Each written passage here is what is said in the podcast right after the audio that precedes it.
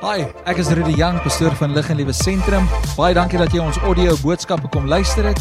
Mag die Here jou ryklik seën. Geniet dit saam met ons. God is good. And all the time. Amen. Sy teenwoordigheid is amazing, is dit nie? Thank you Jesus. Thank you Jesus. Jesus be the center of it all. Is dit jou gebed vandag? Is om te sê Here dat U die senter van alles sal wees.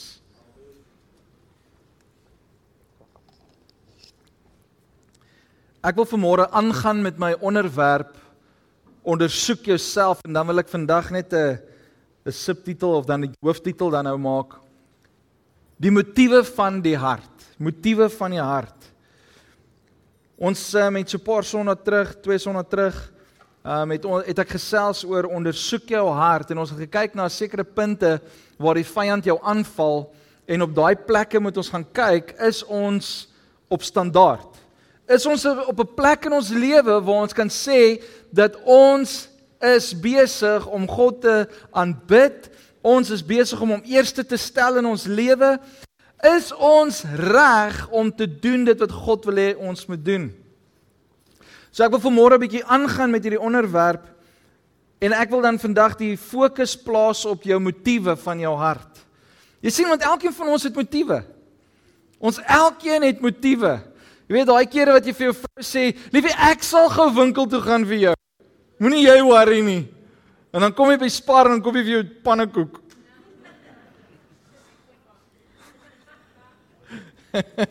ek doen nie dit nie. Ek doen nie dit nie. ek ehm um, Daar's verskillende motiewe in 'n ou se hart. Jy gaan groet mense want jy wil gesien word. Jy bevriend sekere mense want net nou net nou kan hulle vir jou help finansiëel. Jy sê goed met die mond, maar in jou hart bedoel jy dit anderste. Die motiewe van ons hart is waarna God kyk. God kyk nie na my en jou of na ons uiterlike nie. So sê gou vir die persoon langs jou, God kyk na jou hart. God kyk na jou hart. Sê vir die een agter jou, jou hart maak saak. Ek weet dit is moeilik want almal draai nou om, nou kyk jy in iemand se agterkop, maar baie keer is dit net nodig dat ons 'n stem van agteraf moet hoor. Ja, Here. Praat met my. Jou motiewe van jou hart bepaal jou destiny. Want jy kan so great wees aan jou uiterlike soos wat jy wil en soos wat jy kan bekostig en soos wat jy effort kan insit. Maar as die motiewe van jou hart vrot, dan vrot alles. Ek het so 'n prentjie op my rekenaar, ek het dit uh, op 'n slag geshare van 'n van 'n peer. Maar dit is die mooiste peer. Ek eet nie pere nie, maar ek het al, maar ek, ek's nie baie lief vir nie, maar maar dis die mooiste peer en as ek pere sou eet, sou ek daai ene eet want hy's regtig mooi. Maar aan hierdie peer is 'n ander peer wat vrot is. Hy sal so wit gevrot. En uit die mooi peer, as jy mooi kyk, begin hy ook vrot raak. En dan sal woorde wat daar staan en sê die mense met wie jy jouself omring invloed op jou. Jou motiewe kan goed wees, maar as jou hart nie reg is nie, dan beteken of jou uiterlike aksies kan reg wees, maar as die motiewe van jou hart verkeerd is, dan beteken die aksies niks.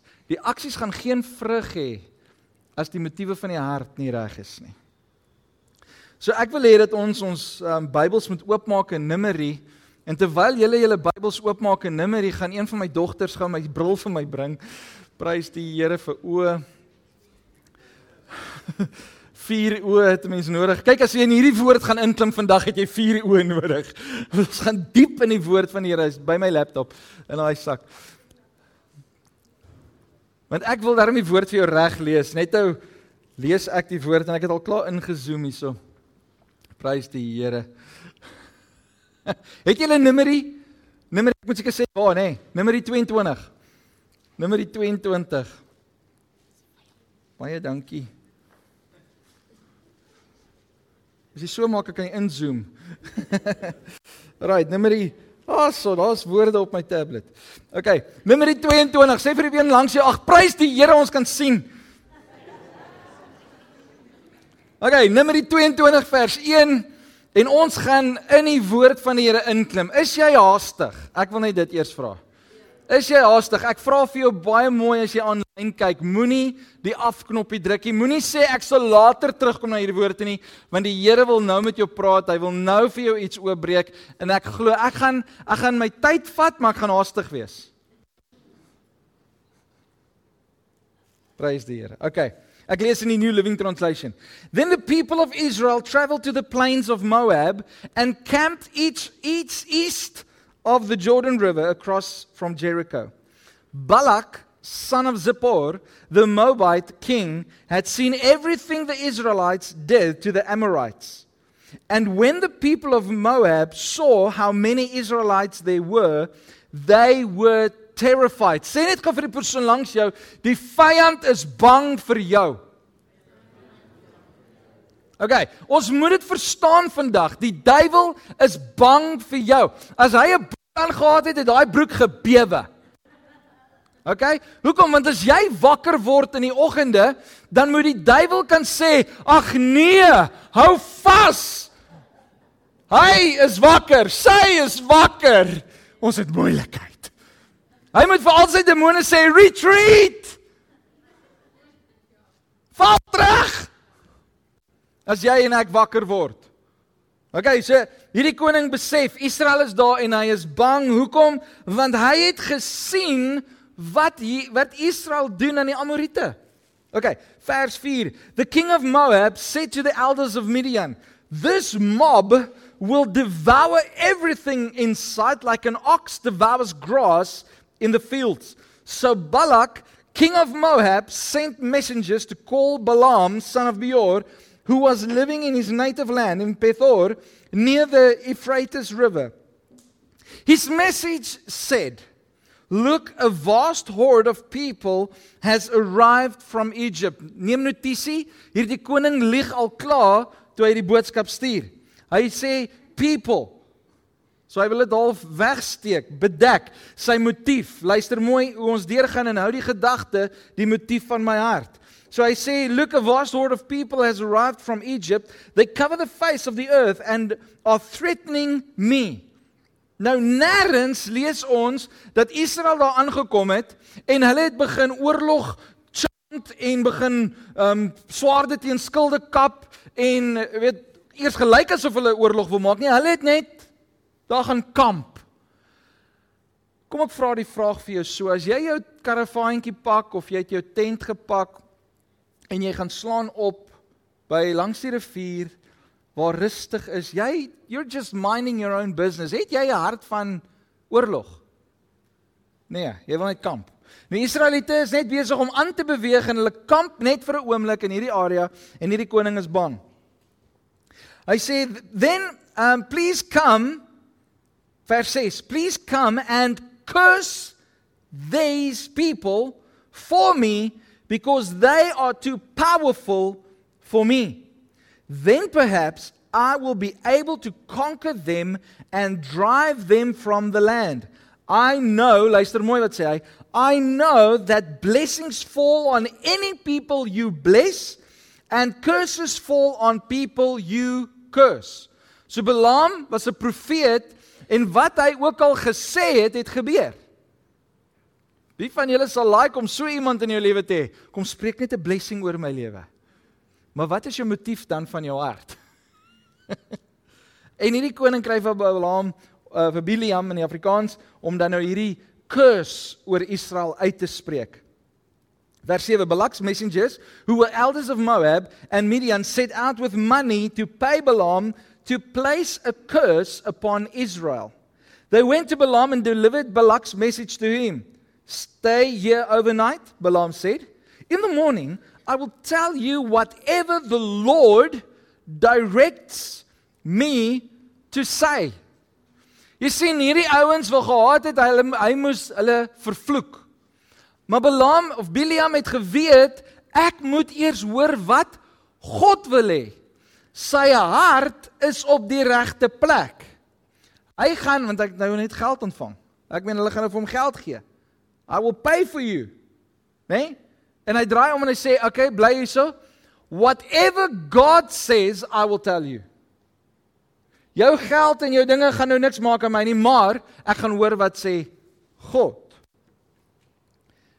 At night, vers 9, that night God came to Balaam and said and asked him, "Who are these men visiting you?" Balaam said to God, Balak, son of Zippor, king of Moab, has sent me this message. Look, a vast people of pe- a, host, a, lost, a vast horde of people has arrived from Egypt, and they cover the face of the earth. Come and curse these people for me, then perhaps I will be able to stand up to them and drive them from the land. Verse 12. But God told Balaam, Do not go with them.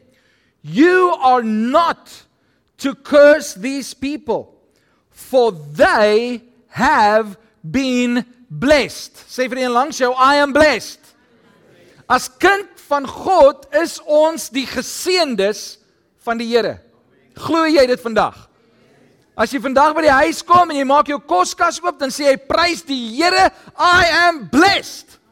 En as enigiemand in jou familie vir jou sê, "Maar daar's niks," dan sê jy, "I'm blessed because I have the opportunity to clean my cupboards." Want niemand maak kaste skoon terwyl dit vol is nie. But we are blessed. We are blessed. Ah, ek weet nie so lekker nie. Ek voel nie blessed nie. Om geseënd te wees is nie 'n gevoel nie, dis 'n realiteit. Dis 'n waarheid. Dis iets wat ek en jy na God toe kan gaan en sê Here, omdat ek u kind is, vorm ek deel van daai belofte wat u vir Abraham gegee het en daarom Here wil ek u net vandag weer herinner aan u beloftes oor my lewe. Here, dankie dat u my seën. Ons moet wees soos Jakob. Ons moet vashou aan God totdat hy ons seën. Maar ons bid vir 1 sekonde, maak ons die kas oop en sê, "Nee, ons maak toe en ons bid weer. Ag Here, kom help, kom seën, help, help, help." En dan na die einde van die dag dan sit maar net soos ag nee, ons gee dit maar op as 'n bad job. Ons gemaak skuld. Maar om aan te hou God te soek soos Jakob vasgehou het aan God en gesê het ek sal u nie los totdat u my seën nie. Soek God in alles wat jy doen. Vers 13 the next morning Balaam got up and told Balak's officials go on home. The Lord will not let me go with you. Dis God se opdrag. Punt. God gee 'n opdrag, jy gaan nie saam nie. Then Balak tried again. This time he sent a larger number of even more distinguished officials than those he had sent the first time. They went to Balaam and delivered this message to him. This is what Balak, son of Zippor, said Please don't let anything stop you from coming to me. I will pay you very well and do whatever you tell me. Just come and curse these people for me. But Balaam responded to Balak's messengers, even if Balak, luister baie mooi, even if Balak were to give me his palace filled with silver and gold, I would, I would be powerless to do anything against the will of the Lord my God. Dis die hartklop wat ek en jy vandag moet hê. Dis die motiewe in ons harte wat ons moet dit moet ons karakter wees. I will do nothing if God does not tell me to do it. Ek beweeg net as God vir my die opdrag gee. That's it. Punt. Sê vir die langs jou, punt. Daar moet 'n punt in ons lewe wees. Daar moet 'n full stop wees waar ons kan sê dit is waar ek God glo, dis waar ek hom vertrou, maak nie saak wat gebeur nie, dis die punt. Punt. Het julle hom? Sê punt. Ek het julle daar by die huis ook gehoor. Well done. Okay. But stay here Luister wat doen Biliam nou? Hy sê, "But stay here one more night and I will see if the Lord has anything else to say to me." So hier begin iets nou anders in sy hart stuur. Hier begin iets anders nou in in Biliam se lewe ontwikkel. En hy en hy gaan na die Here toe en that night God came to Balaam and told him, "Since these men have come to you, get up and go with them." but do only what I tell you to do. So the next morning, Balaam got up, saddled his donkey, and started off with the Moabite officials. But God was angry that Balaam was going. So he sent the angel of the Lord to stand in the road to block his way. En hierdie versies het my die heel week wakker gehou. Want hier kom God nou net en hy sê vir vir William, jy gaan nie saam met hierdie manne nie. God vra nie weer vir hom soos in die vorige keer, wie is hierdie mense nou? Hy sê, aangesien hierdie ouens nou weer gekom het, gaan saam met hulle. Maar jy sal net doen wat ek vir jou sê om te doen. Die volgende oggend maak William sy donkie reg en hy gaan. In vers 22 sê, but God's anger arose. Hoekom? Omdat hy gegaan het. Ek sê, Here, maar U het nou net vir hom gesê hy moet gaan. What's up with this? Kyk en ek het gestoei en gestoei en gestoei en ek gaan later vir julle die antwoord gee, maar eers. William klim op hierdie donkie en hy begin loop. So the next morning um vers 23 So he sent the angel of the Lord to stand in the road to block his way as Balaam and two servants were riding along. Vers 23. Balaam's donkey saw the angel of the Lord standing in the road with a drawn sword in his hand. The donkey bolted off the road into a field, but Balaam bit it and turned it back onto the road. Hierdie donkie sien wat aangaan en hy en hy half 'n belam vir, uh, Biliam van die pad af want hy wil hom beskerm en Biliam is net soos witch witch patu gaan patu ek's op 'n mission Then the angel of the Lord stood at a place where the road narrowed between two vineyard walls. When the donkey saw the angel of the Lord, it tried to squeeze by and crushed Balaam's foot against the wall. Balaam beat the donkey again. Then the angel of the Lord moved farther down uh, the road and stood in a place too narrow for the donkey to get by at all. sien julle die progressie? Eers kan die donkie van die pad af. Hy kan sy eie pad weer volg. Die volgende keer, ja, nadat Biliam hom weer op die pad gekry het, probeer die donkie verby die engel skuif en hy maak vir Biliam seer. Maar nou is die engel so determineerd of determined dat hy in 'n plek gaan staan waar die donkie glad nie kan deur nie. Ek meen dis nou 'n teken. Jy moet nou stop. Then the, um this time when the donkey saw the angel verse 27 it lay down under Balaam. In a fit of rage, Balaam beat the animal again with his staff. Arme donkie word gevoeter vir 'n goeie daad.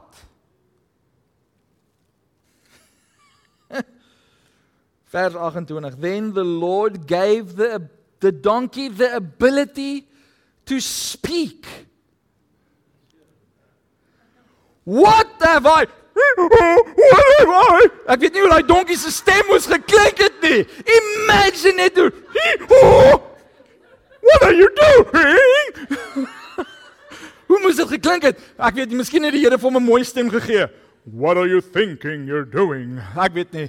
Maar anyway, kry dit kry 'n bietjie prank in jou kop en hy sê, "Listen, when the Lord gave the donkey the ability to speak, what have I done to you that des that deserves your beating me 3 times?" Ek meen jy slaat nie my net, jy slaat my 3 keer. Come on. Vers 29. Balaam antwoord terug. You have made me look like a fool. Balaam begin met die ou met die donkie praat. Balaam shouted, "If I had a sword with me, I would kill you." Men Balaam is nou ernstig met hierdie donkie. Ek weet nie of hy geklik het of die donkie met hom praat nie. Dat die donkie met hom praat nie. Maar anyway.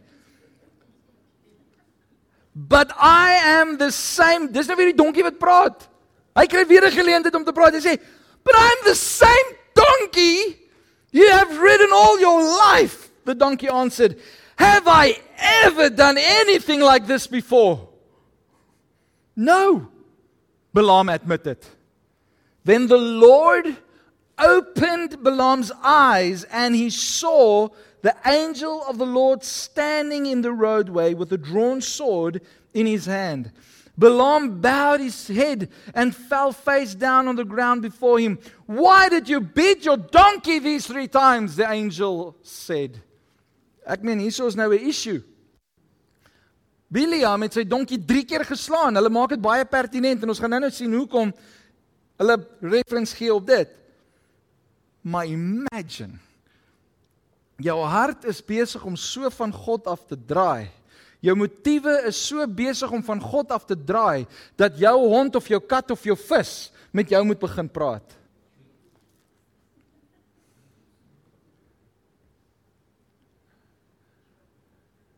Hoofopskrif. Pastoor se hond praat met hom. Subopskrif. Pastoor is nou in 'n inrigting. Want dis hoe die wêreld sal optree. As ek nou nou julle toe kom vandag vir julle sê ouens Nala my hond het met my gepraat. Sy het vir my gesê dit en dit en dit. Hoe sou julle gereageer het? Hoe sou julle gereageer het? Die bestuur sal heel moontlik bymekaar gekom en gesê het ons pastoor het 'n sabbatical nodig vir 'n jaar. Hy hoor goed. maar tog praat die Here elke dag met ons en ons neem nie notisie nie. Die skepper van hemel en aarde praat met ons en ons neem nie notisie nie. Dis tyd kerk. Dis tyd kind van die Here dat ons ons ore moet oopmaak vir dit waarmee God besig is. Ons ore word uitgeleen aan die wêreld en ons ore hoor verkeerde goed. Three times the donkey saw me. Vers 32. Why did you beat your donkey those three times? The angel of the Lord demanded. Look, I have come to block your way because you are stubbornly stubbornly resisting me. Three times the donkey saw me and sh- shied away. Otherwise, I would certainly have killed you by now and spared the donkey's life. Ons moet ons oë begin oopmaak. Wat vir my hartseer is van hierdie storie, daar's ernstige gedeelte wat sê dat Biliam was 'n man, die Bybel praat van hy was 'n man met geopende oë. Hy kon sien in die gees. Hy kon sien wat rondom hom aangaan. Maar die oomblik toe sy motiewe van sy hart begin verander, toe gaan sy oë toe. Die rede hoekom ek en jy nie altyd kan sien waarmee God besig is nie, is omdat ons motiewe van ons harte nie reg is nie. Ons uiterlik is ons reg, ons sing prys die Here, Jesus at the center of my life kan nie wag om by die huis te wees nie. Ek gaan weer daai ding kyk, ek gaan daai ding doen, ek gaan braai en ek gaan ooh Jesus at the center of my life. Yes, môre is dit weer werk en ek gaan weer daai ou weer verneek en ek gaan daai ou se geld steel en Uiterlik lyk ons so nice en ons lyk so heilig. Maar die motiewe van die hart is ver van Jesus af. Wanneer dit gebeur in jou lewe, is jou oë besig om toe te gaan vir die werke van die Heilige Gees. My broer, my suster, vriend, vriendin, die Here wil jou gebruik, hy wil in en deur jou werk. Hy wil jou gebruik om 'n verskil te maak in die samelewing waar jy is. Ons het nodig om die motiewe van ons hart dop te hou. Vers 34. Then Balaam confessed to the angel of the Lord, I have sinned. I didn't realize you were standing in the road to block my way. I will return home if you are against my going. But the angel of the Lord told Balaam, Go with these men, but say only what I tell you to say. So Balaam went on with Balak's officials. When King Balak heard that Balaam was on the way, he went out to meet him at a Moabite town on the Arnon River at the farthest border of, the, of, the, of his land. Luister mooi wat sê hierdie Balak koning vir hom. Didn't I send you on urgent uh, an urgent invitation? Ek weet nou is hy nog ongeduldig dat die man daar is. Hy het hom gesmeek om te kom, maar nou moet hy op Balak se terme begin funksioneer. Hoeveel keer trek die wêreld ons weg van wat God wil hê ons moet doen en dan sê hy, "Oké, okay, hier is my terme. Jy gaan nou werk volgens my terme, hoe ek dit wil hê. Not my will, but the will of my Father." Nie die wil van die wêreld nie, maar die wil van ons Vader. Wat is God se wil in jou lewe? Kan jy dit raak sien? Balaam replied, "Look, now I have come, but I have no power to say whatever I want." I will speak only the message that God puts in my mouth.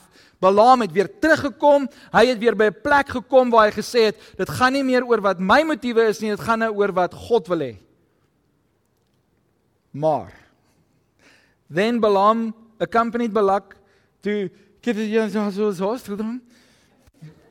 so 'n dorp. Where the king sacrificed cattle and sheep. He sent portions of the meat to Balaam and the officials who were with him. The next morning, Balak took Balaam up to Bamothbal. From there, he could see some, only some, of the people of Israel spread out below him. Israel was nou 'n massiewe volk. So baie.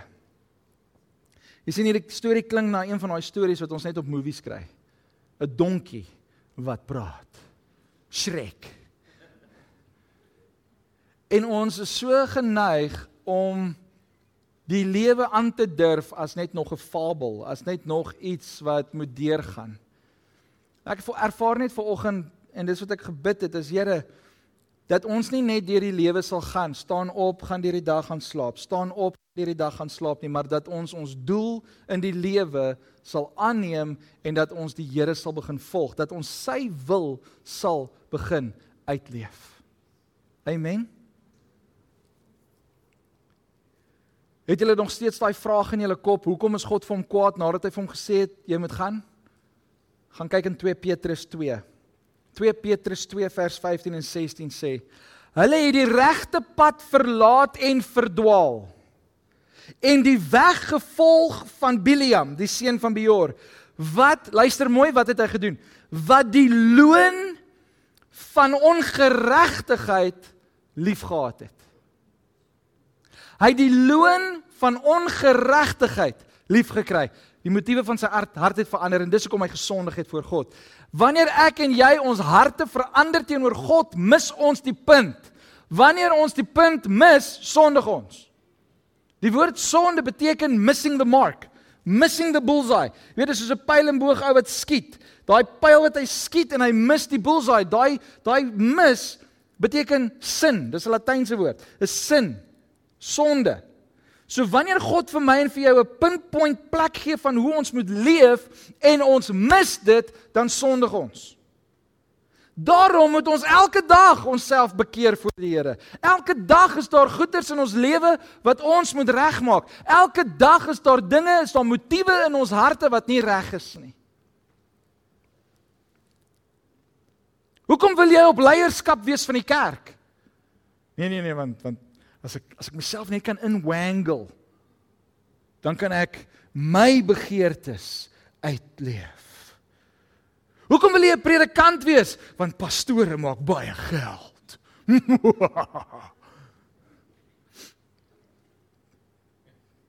Ek wil ook by jou kerk kom werk.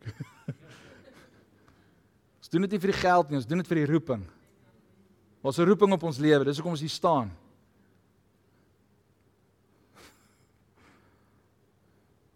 Hoekom doen ons sekere goed? Wat's die motief van jou hart?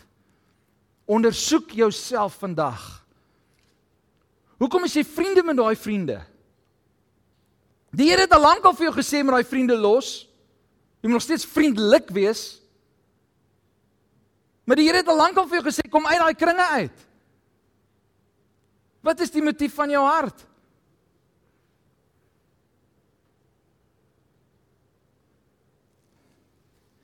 Ek kan ek kan grappender wys kan ek nou sê jou motief is hulle gee free food. Hulle gee altyd sweets of hulle is altyd vrygewig. Maar hier's 'n motief van die hart wat miskien 'n bietjie closer to home is. Tussen daai vriende ervaar ek nie rejection nie. Tussen daai mense ervaar ek aanvaarding. Jou motief is reg, maar is op verkeerde plek. Jy sien wanneer ons ons motiewe van ons hart ondersoek, dan moet dit in lyn wees met God se woord. Ek kan vir jou sê eh, ek kan ek, ek gaan nou baie lelik klink. Ek sê dit nie vir julle nie. Ek sê dit nie vir jou aanlyn nie. En as enigiemand hierdie woorde edit en dit uitsaai daar buite, die Here help hom. Maar ek kan na jou toe kom en vir jou sê jy's 'n vark met die beste motiewe in my hart.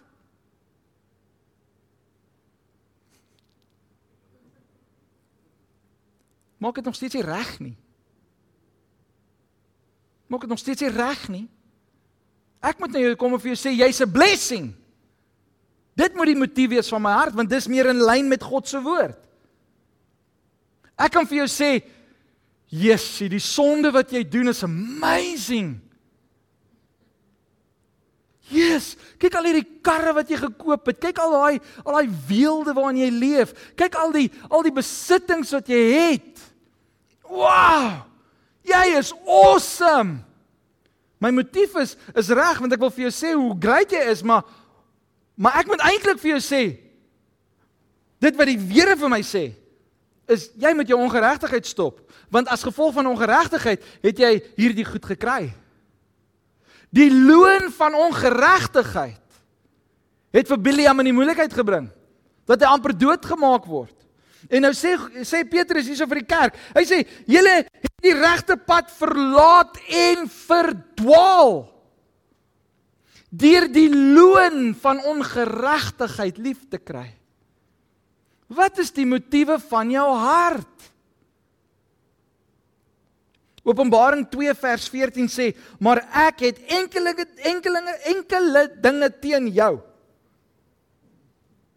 Dat jy daar mense het wat vashou aan die leer van Biliam wat Balak geleer het om 'n struikelblok voor die kinders van Israel te werp naamlik om afgodsoffers te eet en te hoereer. As jy die storie verder gaan lees in in Numeri 23 dan kom hulle op die op die plek en dan sê op drie plekke sê uh, Balak vir Biliam: "Kom staan hier en kyk oor Israel en dan vervloek jy hulle van hier af." Toe sê Biliam vir vir Balak: "Oké, gaan bou sewe altaars en op hierdie sewe altaars moet jy bulle en ramme offer." Balak gaan offer. Hy's nie 'n priester nie. Hy doen dit buite die orde van God. Bring hy eintlik 'n offer aan 'n afgod want hy kan net offer aan dit wat hy aanbid. En hy aanbid nie God die lewende God nie. En daarom offer die offer wat hy dan maak is dan 'n afgodsoffer. En hy offer dan nou. En dan gaan gee hy nog van hierdie vleis vir Biliam om van te eet.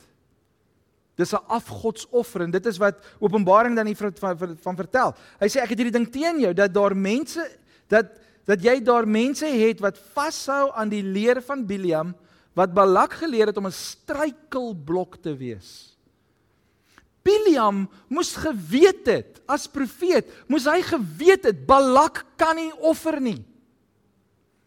Hy kan nie 'n offer aan God bring nie, die priester moet dit doen. Eintlik moes Balak na Israel toe gegaan het en gesê het, "Oké, okay, gee vir my een van julle priesters. Ons gaan hier bo op die berg offer want ons het 'n antwoord van God nodig." Dis die orde van God. En wanneer ek en jy buite orde is, dan is ons 'n struikelblok vir mense rondom ons. Dis hoekom God teen Bilam gedraai het. Dis hoekom God gesê het, "Oké, okay, jy kan gaan." Maar toe die motiewe in sy hart begin kyk na die ongeregtige loon en toe hy op die berg kom en hy dit verkeerd doen, toe hy buite orde is, dis alles te mekaar. Alles is te mekaar. Ondersoek die motiewe van jou hart. Saam met die motiewe van jou hart moet dit in lyn wees met God se woord. Sê vir een langs jou, jou motiewe moet in lyn wees met God se woord.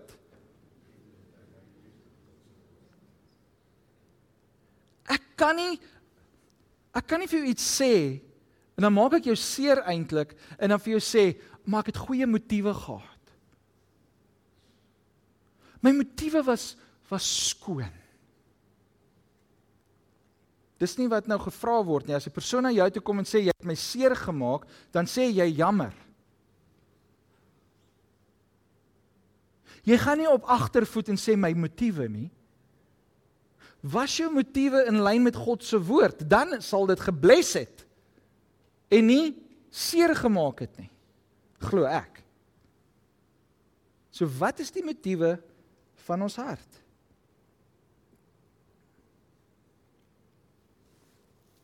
Ons motiewe is belangrik. Mense mag dalk mislei word deur jou optrede, maar jou motief in die hart weg weggesteek word word deur God raak gesien. So die motiewe wat in jou hart weggesteek word, word deur God gesien. God sien die hart. Daarom sê Dawid: "Here, ondersoek my hart dat daar geen ongeregtigheid mag wees nie." Ek wil nie my ek wil nie hê my hart moet in ongeregtigheid wees nie. My aksies kan mooi wees, my aksies kan great wees, maar as my hart dit nie is nie, dan gaan dit nie oor na my aksies nie. Jeremia 17 vers 10 sê, "But I, the Lord, search all hearts and examine examine secret motives."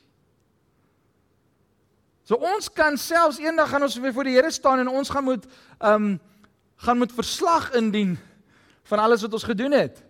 En dan gaan ons vir die Here baie maklik kan sê, "Maar Here, dit was my motiewe en dit was my, dit dis wat ek wou gedoen het." En dan gaan die Here sê, "Ja, maar daai daai geheime motiewe van jou." Want sien God kyk dieper as ek en jy. Ons kyk na die uiterlike en ons kyk na dit wat rondom ons aangaan, maar God kyk na die hart. Hy sê luister mooi wat sê Jeremia verder. Hy sê I give all people their due rewards according to what their actions deserve. Jou aksie gaan net kan wees dit wat dit moet wees wanneer die motief van jou hart reg is. Jou aksie was miskien om om kom ons noem dit sommer sommer 'n sopkombuis daar buite te hê. Ek doen 'n sopkombuis. Dis die aksie. Dis goed, dis mooi, dis dis reg. Maar die motief van jou hart is ek wil gesien word. Wat gaan die Here doen? Hy gaan net jou aksie beloon vir dit wat hier aangaan. Hy gaan nie jou aksie beloon of nie, hy gaan hom beloon volgens wat in jou hart aangaan. Verstaan julle hoekom dit so belangrik is om ons harte in lyn te kry met God se woord? Hierdie is een van daai preke wat jy heeltyd moet gaan oorluister, heeltyd moet gaan kyk en sê Here, wat gaan nou in my hart? Want die hart kan bedrieglik wees, sê die Bybel.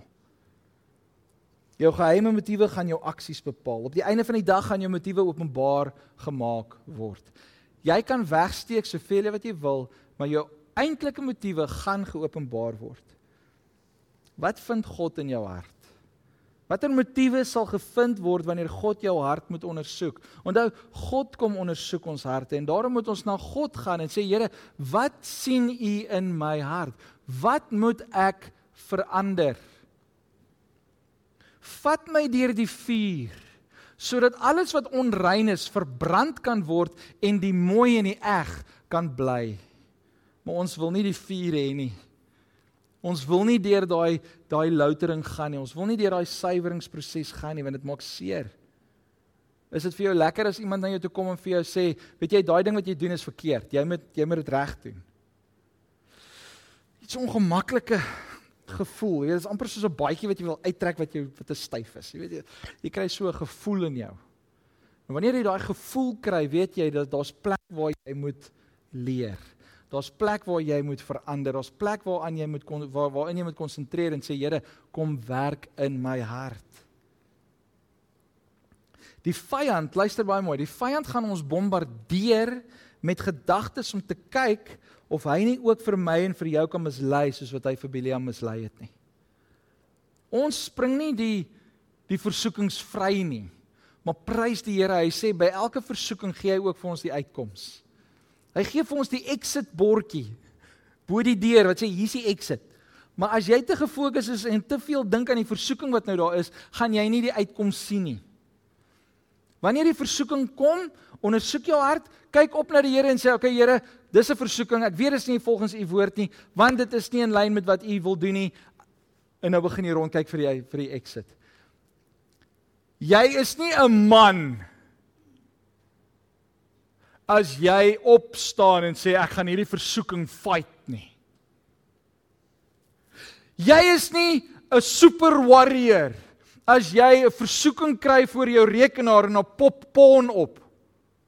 En nou sit soos gaan geen knoppie druk nie, ek's 'n warrior, ek gaan sterk bly en ek sal hierdie versoeking bestraf. Ek bestraf jou, ek bestraf jou, ek bestraf jou, ek bestraf jou, ek bestraf jou, klik. Klik. Voor jy jou uitkyk, is jy geaddicted aan porn. Want jy het nie weggehardloop daarvoor nie. Hardloop weg. Jy's meer mans genoeg. Wat se woord kan ons gebruik vir vroue? Vrou genoeg.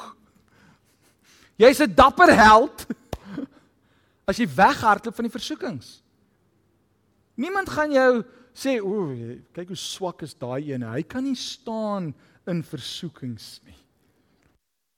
Hy wat dink hy staan. Pasop dat jy nie val nie. Dis is die een ou kom tot bekering, hy was alkoholus, kom tot bekering.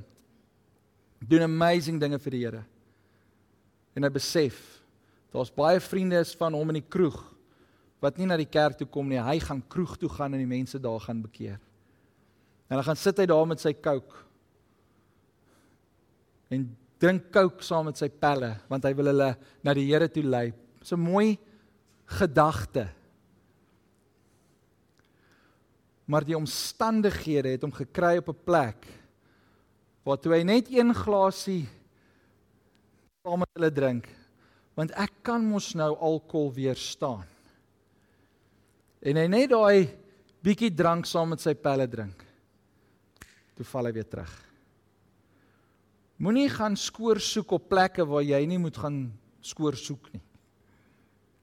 Ken jouself. Weet waar die vyand jou aanval. Ondersoek jouself sodat jy kan staande bly wanneer Jesus opdaag, wanneer Jesus terugkom. Kom hy terug vir 'n vlekkelose bruid. Moenie jouself gaan besoedel met die gedagte van ek gaan nou iets doen vir die koninkryk en dan val jy. Nou jou jou motief is nice, maar jou aksies en dit waar jy is, jy moet weet, jy moet jouself ondersoek. Hoekom doen ek hierdie goed? Biliam moes leer ek doen net wat God vir my sê om te doen. Ek doen net wat God vir my sê om te doen. Ek doen net wat God vir my sê om te doen. Wil jy dit ook hardop sê? Ek doen net wat God vir my sê om te doen. Ek doen net wat God sê ek moet doen. Jou motiewe kan nice wees, maar as dit nie is wat God wil hê nie, gaan dit verdraai word. Die vyand gaan jou motief omdraai en hy gaan dit lelik maak. Wees versigtig. 1 Kronieke 29 vers 17 sê I know my God that you examine our hearts and rejoice Wat doen God? Hy rejoice when you find integrity there. God kom ondersoek ons harte En wanneer hy integriteit in ons harte kry, dan rejoice hy. Wat is jou wat is integriteit? Integriteit is jou ja is jou ja en jou nee is jou nee. Jy hou vas aan God se woord. Al beteken dit jy moet jou werk verloor. Kan ons daai in 'n rewind pastoor? Miskien moet jy net iets anders sê soos jou ja is jou ja al beteken dit jy mag nie daai pak chips eet. Dit klink meer doable. Net nie my werk nie. Pastoor weet dit is dis duur daar buite, nê? Ons het werk nodig. Ek weet ons het werk nodig, maar jou karakter is belangriker vir God as 'n ongeregtige loon. 'n Ongeregtige loon tot in Openbaring aan die einde van die Bybel was Biliam gesien as 'n man wat 'n profeet was maar wat teen God gewerk het. Ek wil nie daai iets sê nie. Ek gaan sit liewer so sonder werk. En vertrou my God dat hy gaan vir my voorsien. Dit is moeilik hierdie ene. Ondersoek jou hart. Waar bevind jy jouself? You know I have done all this with good motives and I have watched your people offer their gifts willingly and joyously. Die volk was opgewonde om te gee. Die volk was opgewonde, hulle was bly. Ons gaan opgewonde en bly kan wees in alles wat ons doen as ons motiewe in lyn is met God se woord. Moenie weer sonde doen en sê my motiewe was goed.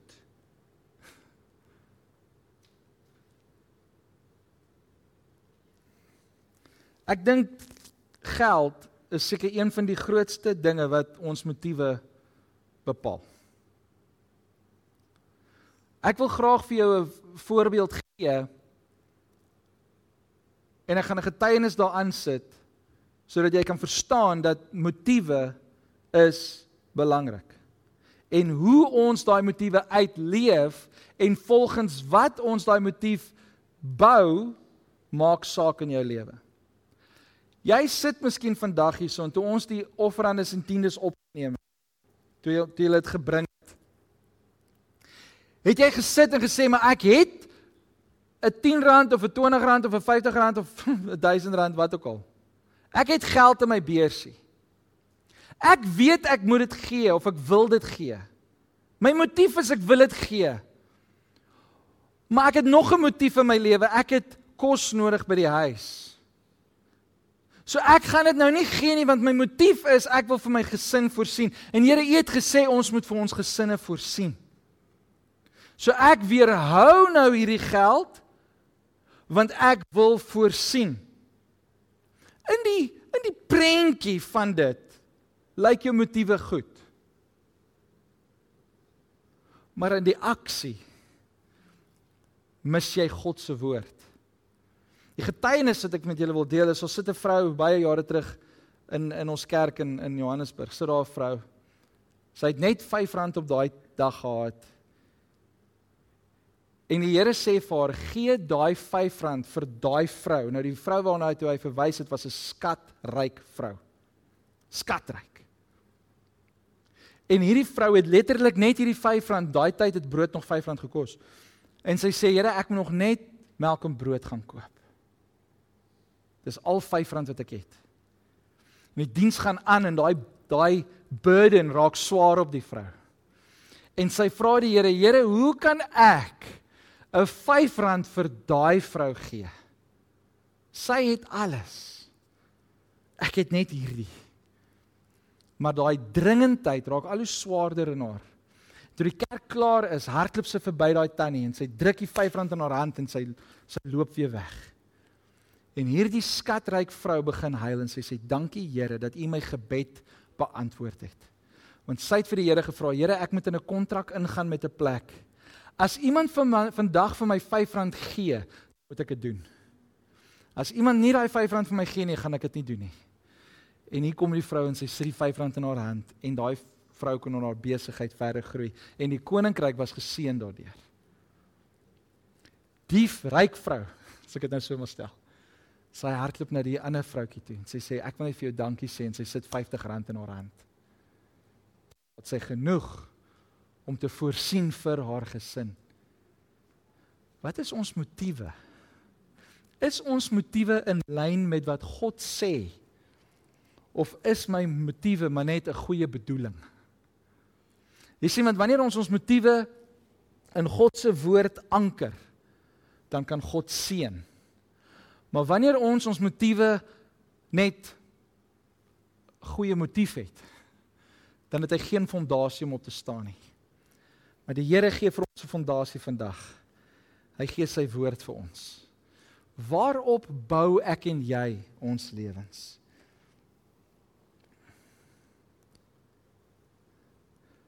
God deursoek ons harte. Proverbs 21 verse 2 says people may be right in their own eyes but the Lord examines their hearts. Kyk waar is ons mense. Ons oë is op ons aksies. God se oë is op ons harte. Wat is vir jou belangriker in jou lewe? Dit wat jy doen of hoe jy God eer? Dis my vraag aan elkeen van ons vandag. Is ons motiewe van ons hart in lyn met God se woord. Is jou motief vandag is God se woord die fondasie van jou motiewe? Of is jy besig om jou motiewe op ligkastele te bou wat enige oomblik weggewaai kan word? Want ek het dit nie so bedoel nie. Ek het dit nie so bedoel nie. Jy sien as ons meer ons lewe in God se woord gaan begin vestig, dan gaan ons meer sensitief wees wanneer ons tussen mense kom. Dan gaan ons sensitief wees om te om na mense te kyk met geopende oë en te kan sê weet jy die ou se aksies was dit maar ek sien die hart en die hart was reg kom ons help hom om die aksies in lyn te kry. Of ons kyk met geopende oë, ons sien die persoon se aksies is reg, maar sy hart is verkeerd. Kom ons help hom om sy hart in lyn te kry met God se woord. Want dan sal jou motief en jou aksies saam beweeg. En dis waar ons die oorwinning gaan hê. Dis waar ons sukses gaan hê. Dis waar ons 'n verskil gaan maak in hierdie lewe is wanneer ons ons motiewe en ons aksies in lyn kan kry met God se woord. Wil jy dit vandag in jou lewe doen? Wil jy vandag toelaat dat God in jou lewe kom inspeksie doen en sê my kind, jou aksies is goed, maar jou hart moet ons 'n bietjie aan werk of my kind, jou hart is goed, maar jou aksies Ons moet 'n bietjie vir jou taktvolheid leer. Is jy reg om geskuur te word? Is jy reg om geskaaf te word sodat ons die diamante kan wees wat God wil hê ons moet wees? Want baie van ons is bietjie rof en onbeskof. Maar die Here like jou nes jy is. Want hy's so lief vir jou, hy gaan jou nie so los nie. Hy gaan jou vorm. Hy gaan jou vorm. Hy gaan jou slyp. Hy gaan jou polish. Hy gaan jou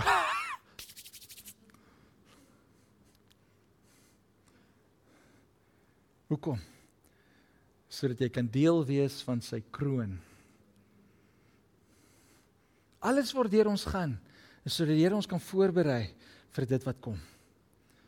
God is besig om jou voor te berei vir groter dinge. Moenie terugstaan en sê ek is wat ek is. So gemaak so gelaat staan. Hoe gaan hy stelling? Ek is wie ek is. Dis reg.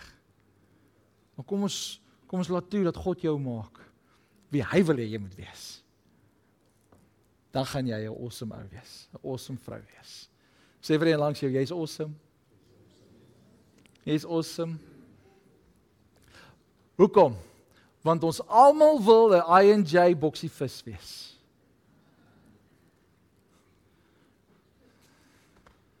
Ek weet nie van julle nie, maar as jy so verby daai visstelletjies ry, ryk jy so lekker nie. Dis rou vis, lekker, got some glory. Lekker. Dan staan die mense daar. Ek wil daai vis hê. Die een met die baie vlee.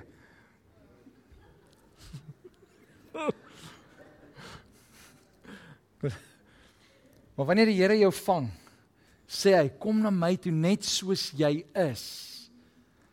Ek is lief vir jou net soos jy is. Ek gaan jou skoon maak.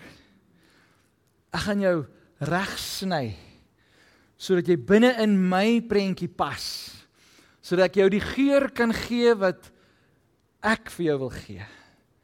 Sodat jy 'n fragrance daar buite kan wees. Sodat mense na my toe getrek kan word. Wie van julle wil 'n 'n goeie fragrance hê? 'n Fragrance van God. Dan moet jy toelaat dat hy jou skoon maak. Dan moet jy toelaat dat hy jou slyp, skaaf, skuur en vorm. As jy vandag sê ek wil geskaaf, skuur en vorm word sodat ek God se produk kan wees, staan op jou voete.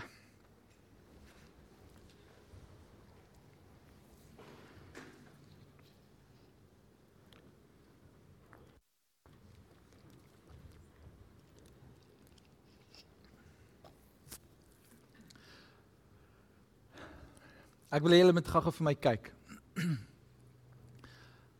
Ek het navy blou oë. Kan jy dit sien? Praat ek die waarheid? Hoekom? Want julle kyk in my oë. Né? Nee, julle sien ek het bruin oë. Dis waar julle nou gou moet fokus. Jy staan nie nou omdat jy emosioneel is of omdat almal staan nie. Jy moet nou staan omdat jy regtig vir God wil vra. Here, kom vorm my. Here, kom ondersoek my hart. Ek wil nie hê jy moet volgende Sondag na my toe kom en sê pastoor, ek haat jou. Want vandat jy vir ons gebid het, is dit nie meer lekker nie. Want dan was jou motief jou aksies alles vandag nie reg nie. Maar as jy vandag met eerlikheid voor God staan en jy sê Here, dit is werklik my gebed. Hier is ek. Dan gaan God jou help. Die Heilige Gees gaan jou help om deur elke vorming te gaan en te rejoice. Want ons lees wanneer die Here integriteit in jou hart kry, dan rejoice hy. En wanneer God rejoice, dan sien ek 'n Vader wat net wil bless. You will be blessed. Maar jy moet eers deur die vorming gaan. Is jy reg daarvoor? As jy vandag staan en jy het nou te vinnig gestaan en jy sê vir jouself, "Oké, ek wil nie nou staan nie. Ek wil eers my hart gaan ondersoek. Ek wil eers regtig gaan regmaak voor die Here." Dan wil ek jy moet sit. Niemand gaan funny van jou dink nie. Inteendeel, ek dink dit is opreg. Maar ek wil hê dat jy moet staan vandag eerlik voor God en sê Here, my aksie van staan is reg. My motief in my hart is reg want ek het 'n begeerte om soos U te wees. Is jy reg?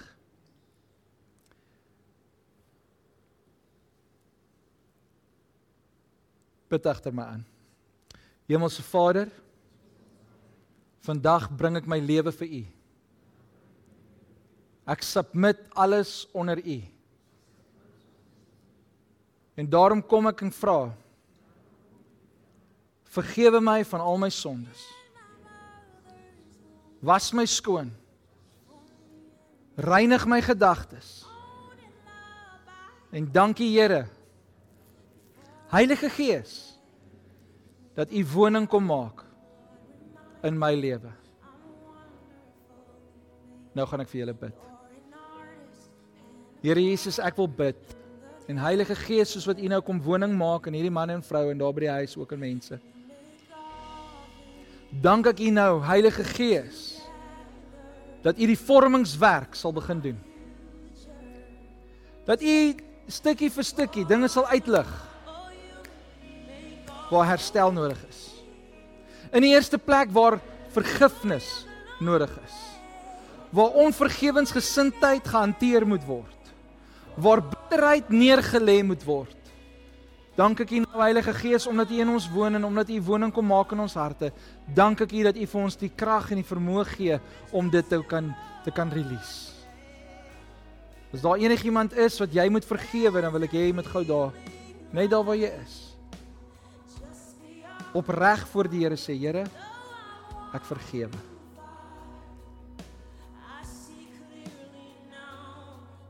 Here, ek vergewe. Ek spreek vry.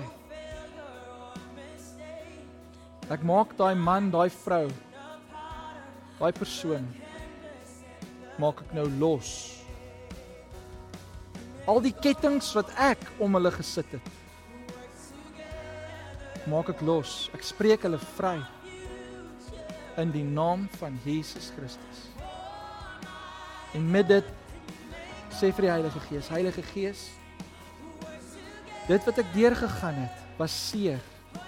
Ek vra dat U my sal genees en dat U die seer sal vervang met compassion. Heilige Gees, ek bid dat U dit nou vervang met compassion.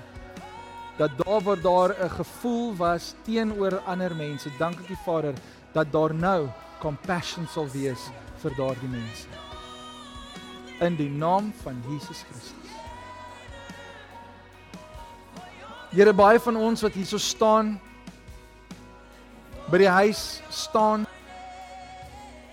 Here ons aksies is reg. Ons aksies is opreg. Maar Here ons hart volg nie altyd die aksie so lekker nie. Ons hart het miskien nog 'n paar vrae. Ons hart misverstaan sekere punte nog. Ek wil bid, Heilige Gees. Bring ons harte in lyn met u woord. Dat ons net sal doen wat u sê ons moet doen.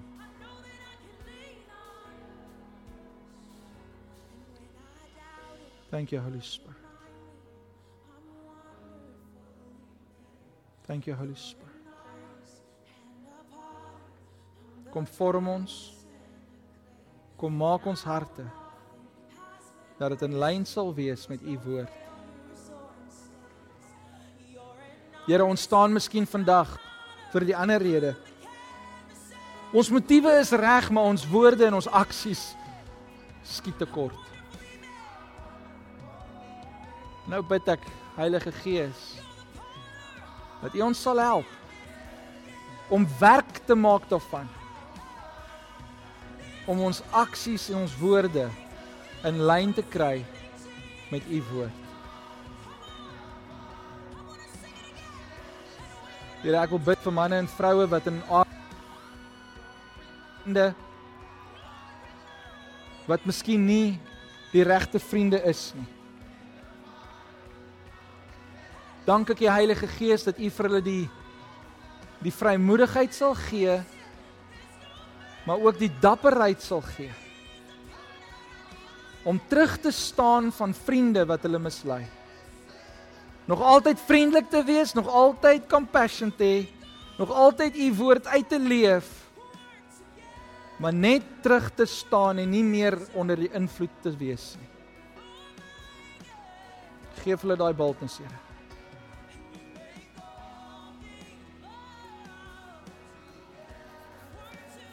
Ek bid Here dat U ons sal beskerm teen die loon van ongeregtigheid. Dat U ons sal beskerm, Here, dat ons nie 'n struikelblok sal wees nie. En dat ons nie getag sal word soos Biliam getag sal word nie. Ons sê vir U dankie daarvoor. Ons gee ons lewe vir U, Here. Ons gee ons aksies vir U, ons gee ons harte vir U. Ons gee ons verstand vir U. Kom vul ons, Here, met meer en meer van wie U is. Minder van ons, meer van U. Dis ons gebed in Jesus naam. Amen. Biliam het sy donkie 3 keer geslaan. 3 keer.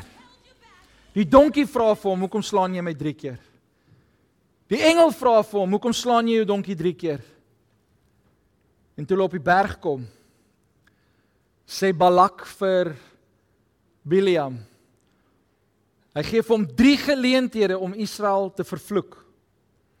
Maar 3 keer kom God en hy seën Israel. Want al wat hy uit sy mond kon uitkry was 'n blessing. Ek wil vandag oor jou lewe verklaar en oor jou oor jou lewe 'n seën uitspreek. Dat elke hou wat die vyand oor jou wil slaan, sal verander in 'n blessing. Elke vuurige pyl wat deur mense se woorde beweeg, wat deur mense se aksies kom, sal die Here verander in blessings. Hoekom? omdat jy gehoorsaam is aan God se woord. Omdat jou oë oop is om te kan sien waarmee God besig is. Moenie mislei word nie. Moenie verdwaal nie. Bly op die pad en draai wanneer God sê jy moet draai. Wees soos 'n donkie wat kan sien. Amen. Baie dankie dat jy ons audio boodskap geluister het. Mag die Here jou ryklik seën. Besoek gerus ons webwerf by www.liginlewe.com.